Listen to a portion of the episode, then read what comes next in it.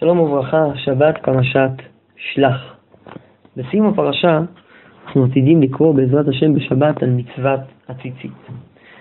וראיתם אותו וזכרתם את כל מצוותיי. מה עניינה של הראייה בציצית?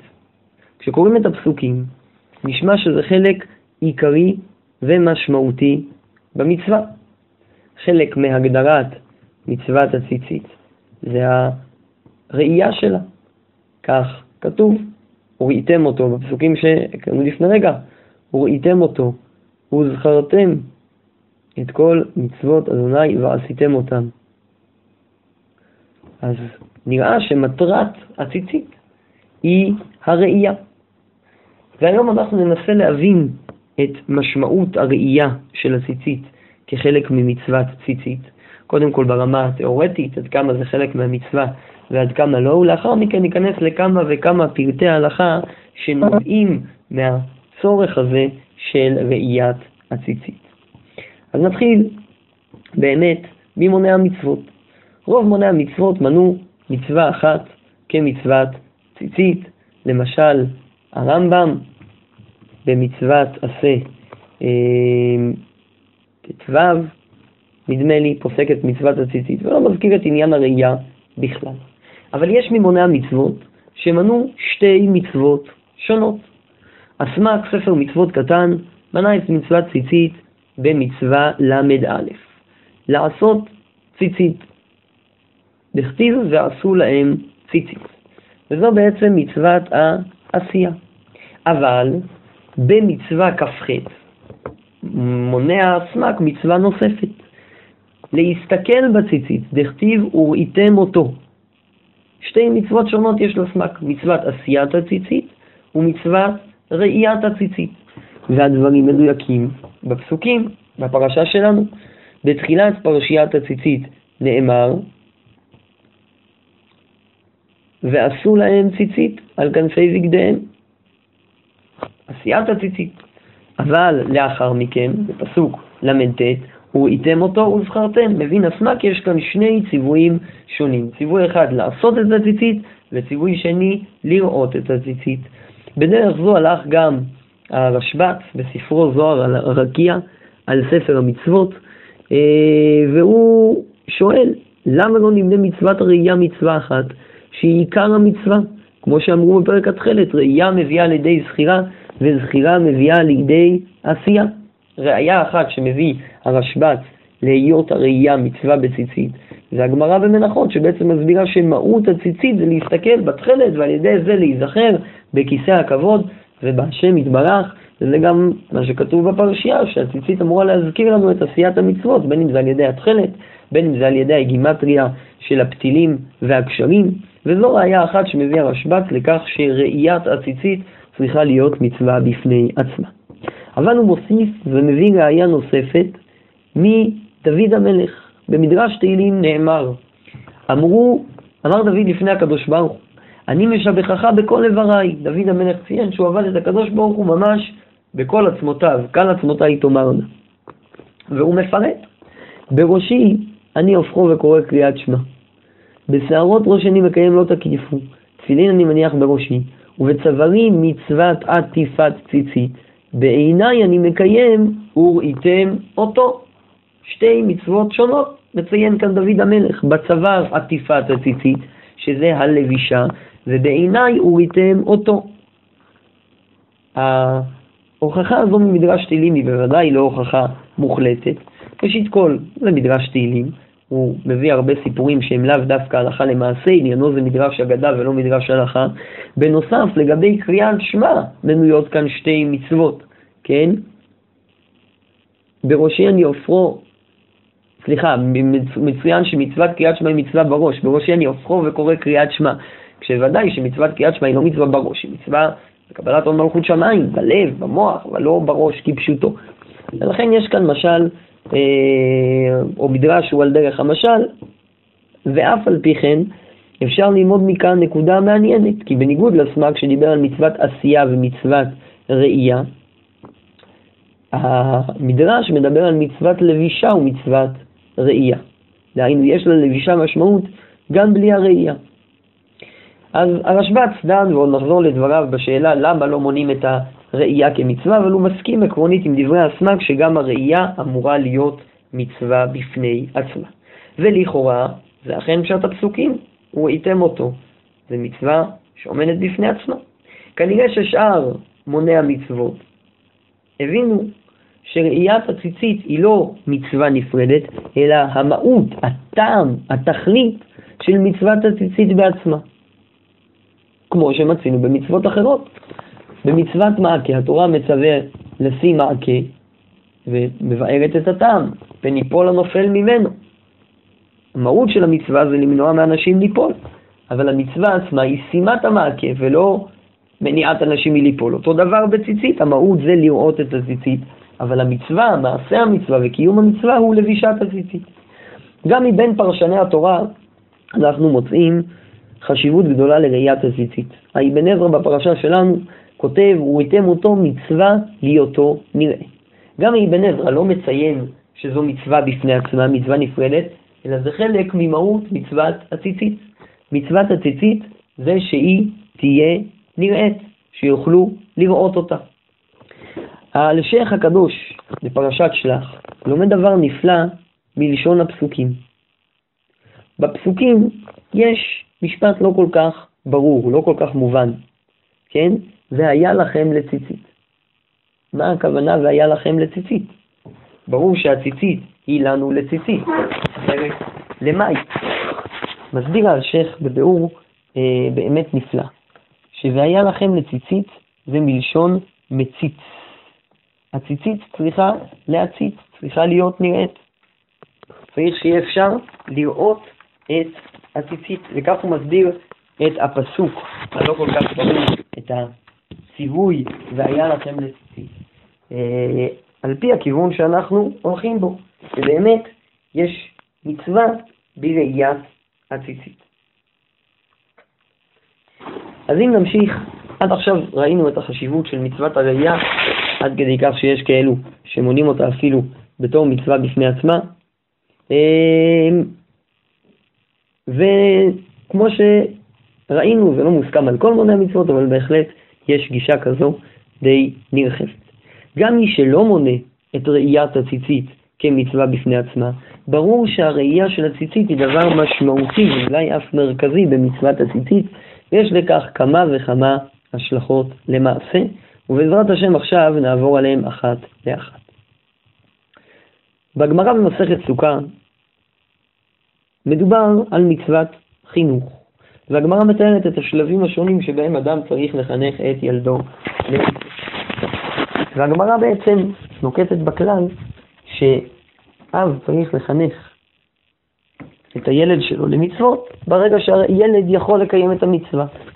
יודע להתעטף, אביו לוקח לו ציצית, יודע לשמור תפילה, ואביו לוקח לו תפילין, וכן הלאה וכן הלאה. והגמרא הזאת היא בעצם דרך טובה להבין מה המהות של המצוות. כי בעצם קטן יכול לקיים מצווה רק כשהוא באמת מבין או מסוגל לקיים את המהות שלה. אז לגבי מצוות ציצית, בגמרא כתוב, קטן היודע להתעטף בציצית, אביו לוקח לו טלית. ולכאורה זו באמת פשוט המצווה, להתעטף בציצית. כך אנחנו מברכים, והגמרא מסיקה שציצית היא מצוות גברא, הגמרא במנחות, בלשון הברכה. אבל במורדכי ובגאות אושרי ובראשונים רבים נוספים מופיעה גרסה בירושלמי, שאצלנו בדפוסים בירושלמי היא לא נמצאת. ובה נאמר ככה, לא סוף דבר להתעטף, אלא להשליך שתי כנפות לאחוריו ושתי כנפות לפניו, ואוחז בציצית כשורה בשעת קריאת שמע. שתי הלכות שנוהגות היום, ונפסקו בשולחן ערוך בצורה זו או אחרת, אחת בצורה יותר מפורשת והשנייה קצת פחות, ושתיהן אין להם מקור בגמרא שלנו. הלכה ראשונה, שבגד שמחויב בציצית זה דווקא בגד ששתי כנפות הם מלפנים ושתי כנפות מאחור. לכן למשל חולצות שבת, אף על פי שיש להם ארבע כנפות, כי הכפתורים שמחברים אותם לא נחשבים חיבור, מכיוון שכל ארבעת הכנפות הן באותו הצד, אין בהם חיוב ציצית.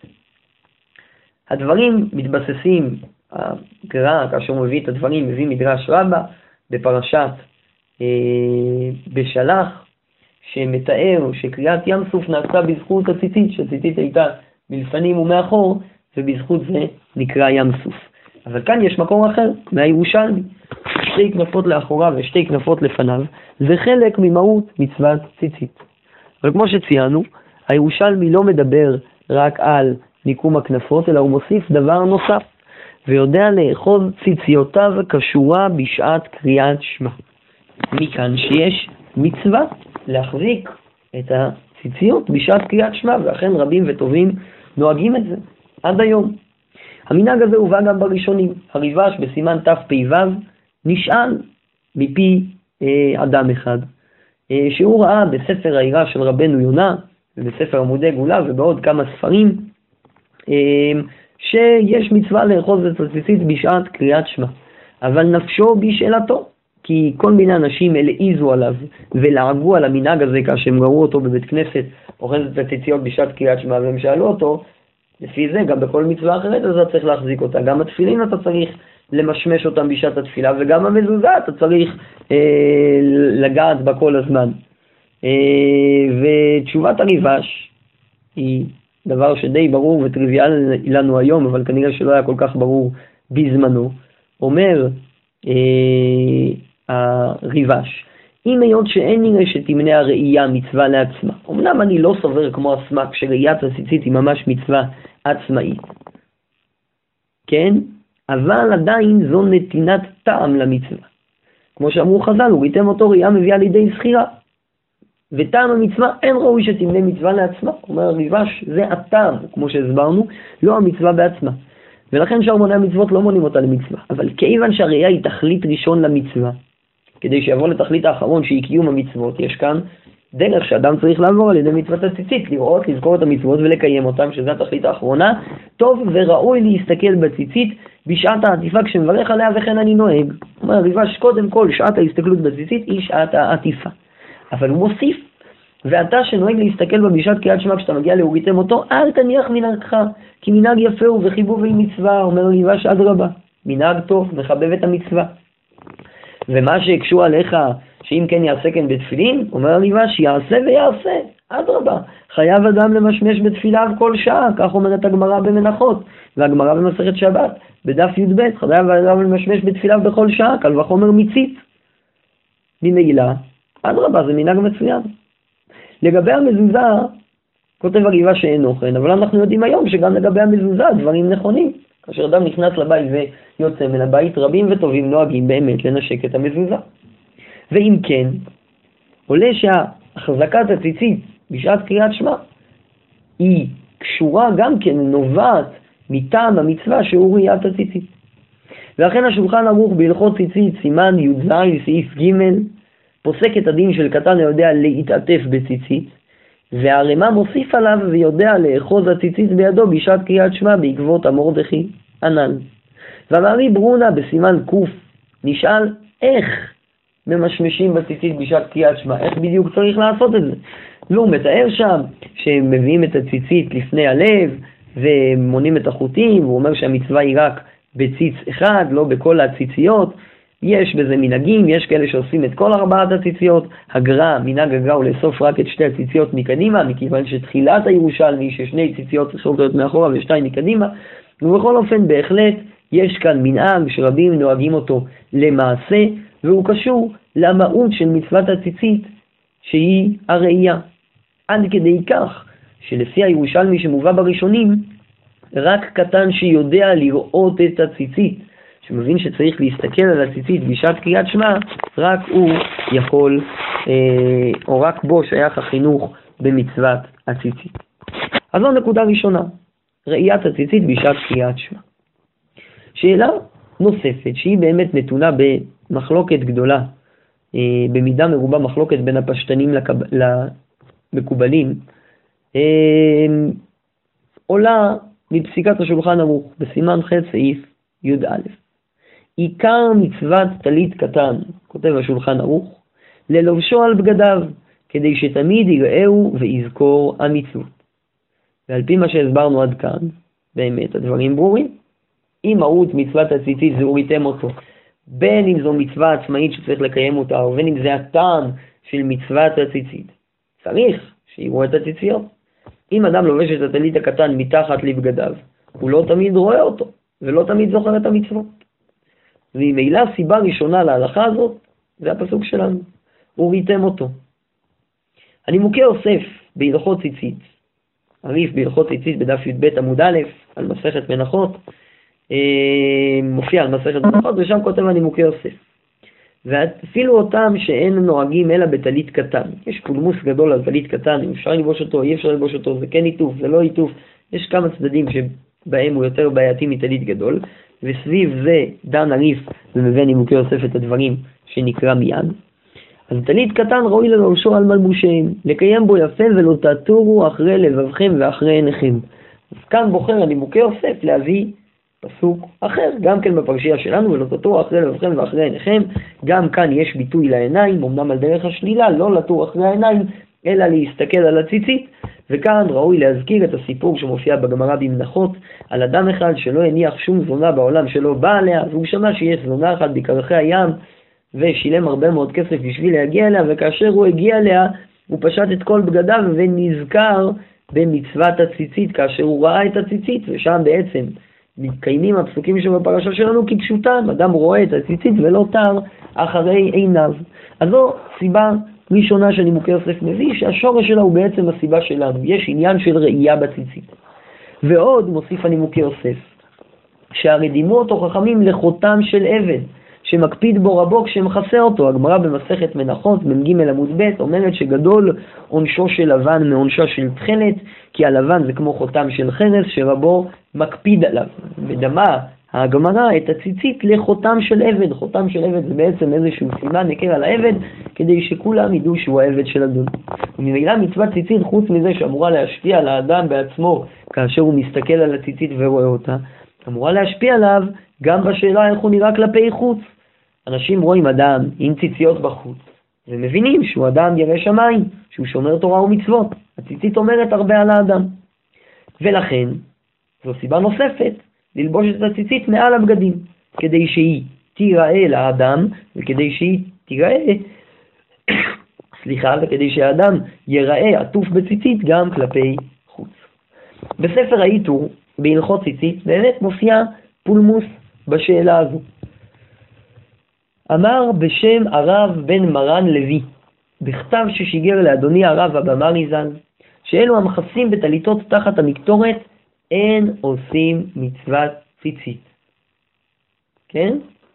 הרב הלוי שם רצה לטעון שמי שלובש ציצית מתחת לבגדים לא מקיים בכלל את מצוות ציצית. מאיפה הוא לומד את זה? באשר תכסה בה אדם צריך להתכסות בציצית עצמה ולא בבגדים אחרים.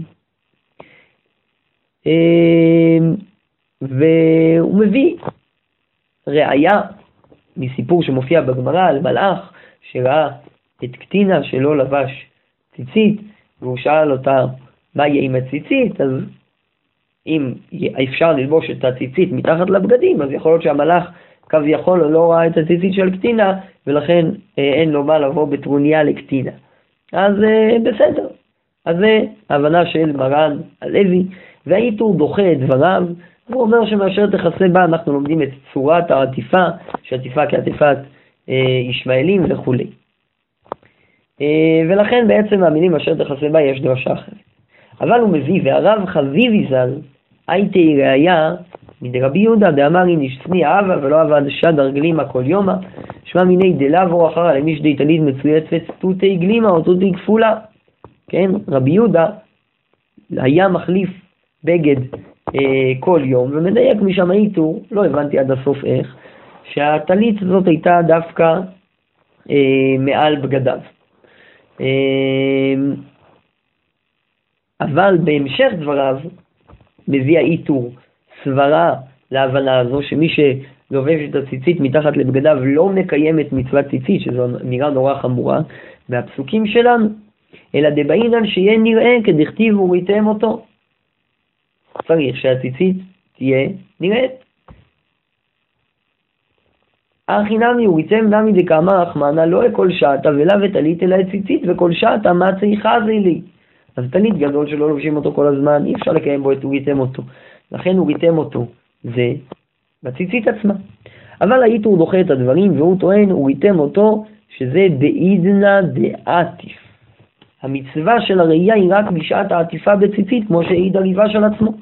מביא אחרי זה האיתור גם את המנהג, בשם החכם רבי טוביה, להסתכל בציציות בשעת קריאת שמע, אבל עולה מהעיטור שעיקר מצוות ראיית הציצית היא בשעת העטיפה.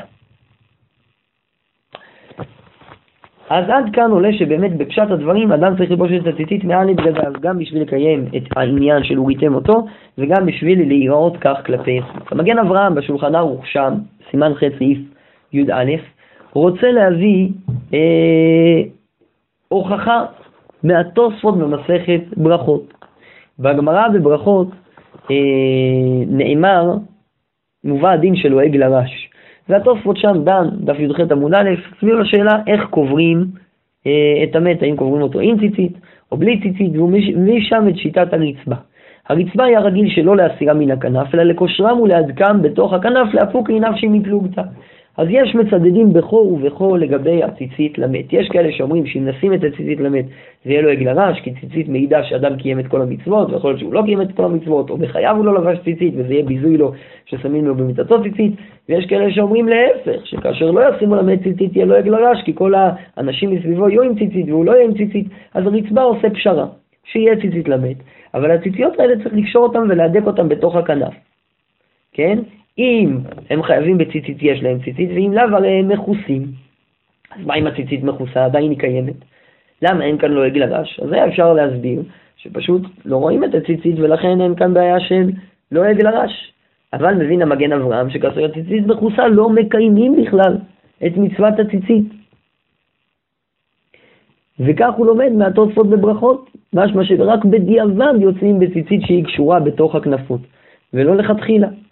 אבל אחרי זה הוא מציע לדחות את דבריו, והצעה נורא מעניינת, שלגבי מתים לא שייך הדין של הוריתם אותו. באמת, מצוות הציצית היא רק על ידי העיטוף, רק העיטוף מזכיר, עד כמה שאפשר להזכיר למת את מצוות השם, אבל לא שייך לדבר על ראייה.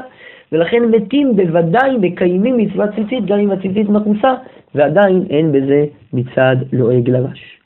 מקור נוסף שמביא המגן אברהם בשביל להוכיח שהציצית צריכה להיות מחוץ לבגדים, זה הגמרא במסכת מנחות, דף מ"א עמוד ב', שם כתוב ציצית אין ציצית אלא יוצא.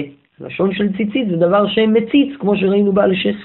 אבל גם שם זה לא פשט הגמרא, כי רש"י מסביר שציצית זה מה שיוצא מתוך הגדיל, מתוך הקשרים, הציציות שסתם תלויות, ולכן אי אפשר להוכיח משם גם כן.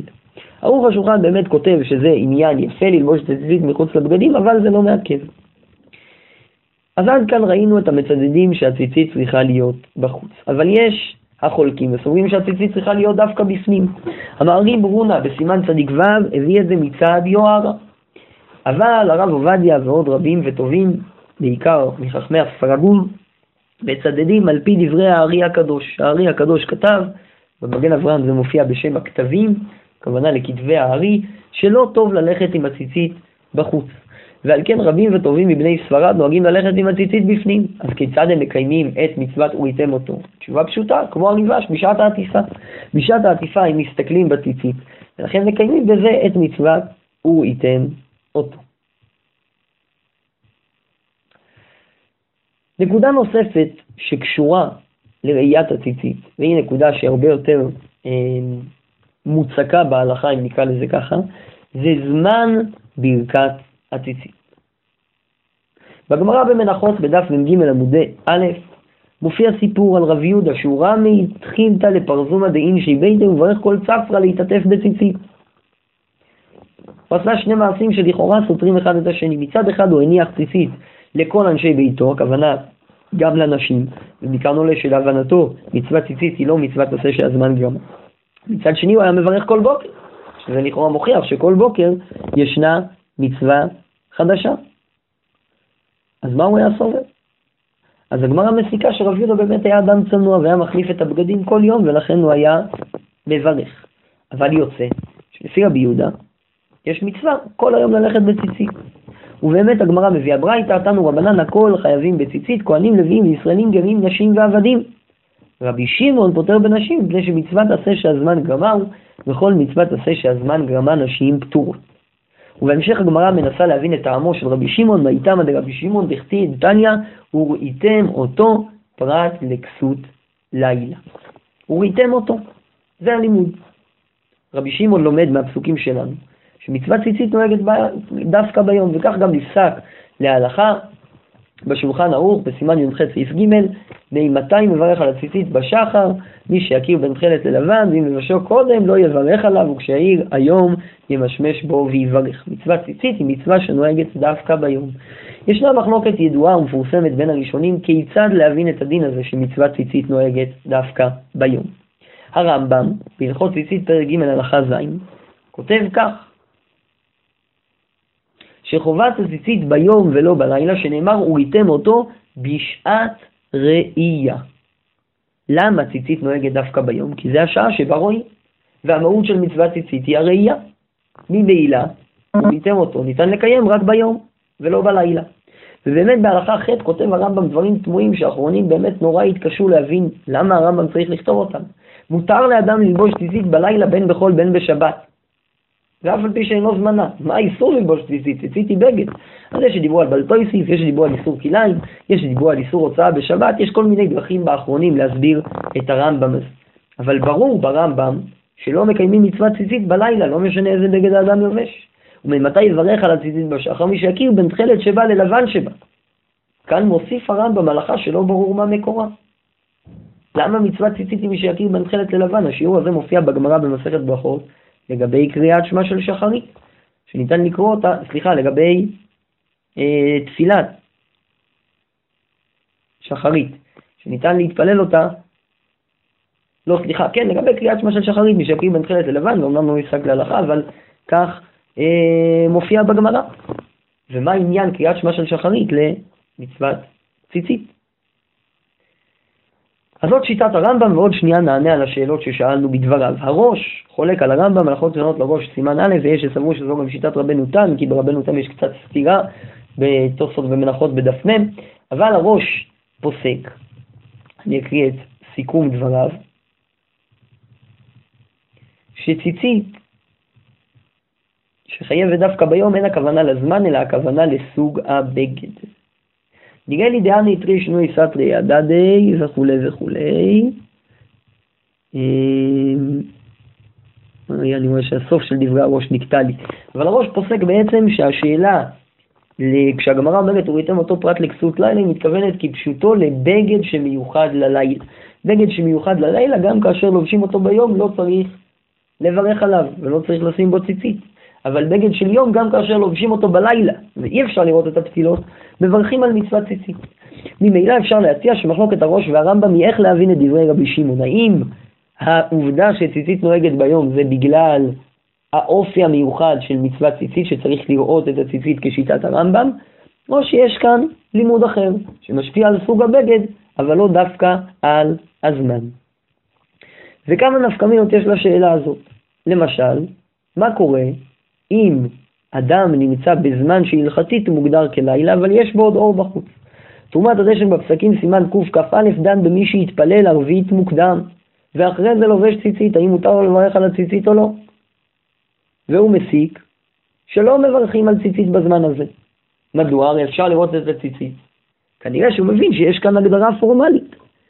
אמנם הוא מסכים עם הרמב"ם שדברי רבי שמעון אמורים כלפי הזמן, הזמן של לילה פטור מציצית, אבל מה זה לילה לפי תרומת הדשן? לילה הלכתית, לא לילה שמימית בשאלה אם יש אור או אין אור, אלא מבחינה הלכתית אם אפשר לראות או אי אפשר לראות. הדברים האלה באים לידי ביטוי גם בשאלת תחילת זמן מצוות הציצית, כן? האם זמן מצוות הציצית מתחיל מעלות השחר, שזו ההגדרה ההלכתית של יום, אבל אז עדיין אי אפשר לראות את הציצית? וכך פוסק השולחן ערוך בפשטות. ומתי מברך על הציצית משגעים על תחילת שבא ללבן שבא, ואם לבשו מעלות השחר ואילך, יש אומרים דמברך עליו וכן נוהגים. זה הרמה, נדמה לי. אבל כך מופיע, שמעלות השחר אפשר לברך. אבל הרביה בחלק ב' בהלכות מגילה, למשנה במגילה שמביאה את המצוות שנוהגות ביום ונוהגות בלילה, כותב הרביה שלגבי ציצית לא כתיב יום אלא ראייה, ולא גמרינן מיני זה כשר בעמוד השחר לכתחילה. אז שם כתוב שכל המצוות שנוגעות ביום, לכתחילה צריך לנהוג אותם מהנץ החמה, אומר רביה לא ציצית שונה, למה? כי כתוב וריתם אותו. הלימוד שלו הוא לא מההגדרה של יום, אלא מהראייה. אז רביה מבין שהראייה זה מי שעלה עמוד השחר. אבל המורדכי, בהלכות שבת, וכך גם נפסק ברמב"ם כמו שראינו, מבינים שהזמן שבו אפשר לראות את הציצית הוא לא הזמן שבו אפשר לראות באופן כללי, אלא דווקא הזמן שאפשר להבדיל בין תכלת ללבן. כיוון שהתכלת בא לבטא משהו. בציצית, כמו שאנחנו יודעים, דומה לכיסא הכבוד, ולכן יש חשיבות דווקא לראות את צבע התכלת ולא לראות את הציצית בעצמה. ולכן, פוסק הרמב"ם, וכך גם נפסק בפשטות בשולחן ערוך, זמן ברכת הציצית לכתחילה הוא מי שיכיר בין תכלת ללבן. הגר"א על השולחן ערוך כותב שזה גם לעיכובה, שלפני כן אי אפשר לברך. ואם כן אנחנו רואים שהראייה לא מהווה רק מקור לצורך להסתכלות בציצית, אלא גם לזמן שבו נוהגת מצוות הציצית. אריד, בסימן קי"ח, כתב שאסור אפילו להתעטף בציצית בלילה. זה נובע מהשוואה לתפילין, טוב, לא נתעמק בשיטתו. אבל נקודה אחרונה שאני רוצה לסיים בה זה ההר עצמו. באורח חיים חלק א' סימן י"ב שדן בדברי רש"י בספר הפרדס. שם נאמר שאם אדם נמצא בלילה, אבל יש לידו נר דולק, או לצורך ענייננו חשמל, אז הוא יכול לברך על הציצית. מכיוון שהוא מקיים בעצמו, הוא ראיתם אותו. אולי נסיים בעוד נקודה מעניינת. במוישה פיינשטיין, ויקרות מוישה, בחלק א', סימן ג' באורח חיים, דן בשאלה מעניינת. אנחנו ראינו בשיעור כמה דברים שלומדים מאותם מילים, מאוריתם אותו. יש כאלה שלמדו שיש כאן מצווה בפני עצמה, ועליהם מקשר מוישה פיינשטיין איך אפשר ללמוד שיש כאן מצווה בפני עצמה. הרי אנחנו לומדים מהמילים האלה עוד הרבה הלכות, שצריך להסתכל בציצית בזמן קריאת שמע, על זמן מצוות הציצית, שציצית נוהגת ביום ולא בלילה, שזה גמרא מפורשת, ועוד. איך הגיוני ללמוד את ההלכות גם יחד? וגם הרשב"ץ דן בשאלה הזאת, בזוהר רקיע במצווה י"ז. ונראה שהתשובה די פשוטה. בעצם לא מדובר כאן על שני לימודים שונים, אלא מדובר על אותו הלימוד. וכך כותב הרשב"ץ: עיקר הכתוב אינו יוצא ממשמעותו, שהוא מצווה לראות הציצית, ששם אמרו כך, וראיתם אותו ופרעתם ועשיתם, ראייה מביאה לידי זכירה, זכירה מביאה לידי עשייה. ולכן העובדה שיש לימוד אחר מהמילים האלה, שמדבר על זמן מצוות הציצית, לא סותרת עצם ההבנה שיש כאן מצווה נוספת, ואדרבה, הדברים מחזקים אחד את השני. כי בעצם המצווה הנוספת הזאת לשיטת הסמ"ק, או המהות הזאת של המצווה לשיטת הראשונים האחרים, בוודאי אמורה להשליך על כל דיניה. אז יהי רצון שנזכה באמת להסתכל בציצית, להתמלא ביראת שמיים מהראייה בציצית, ולזכות בעקבות לבישת הציצית, בין אם אנחנו ממש רואים אותה ובין אם אנחנו מרגישים אותה, עלינו לקיים ולשמור את כל מצוות השם. שבת שלום.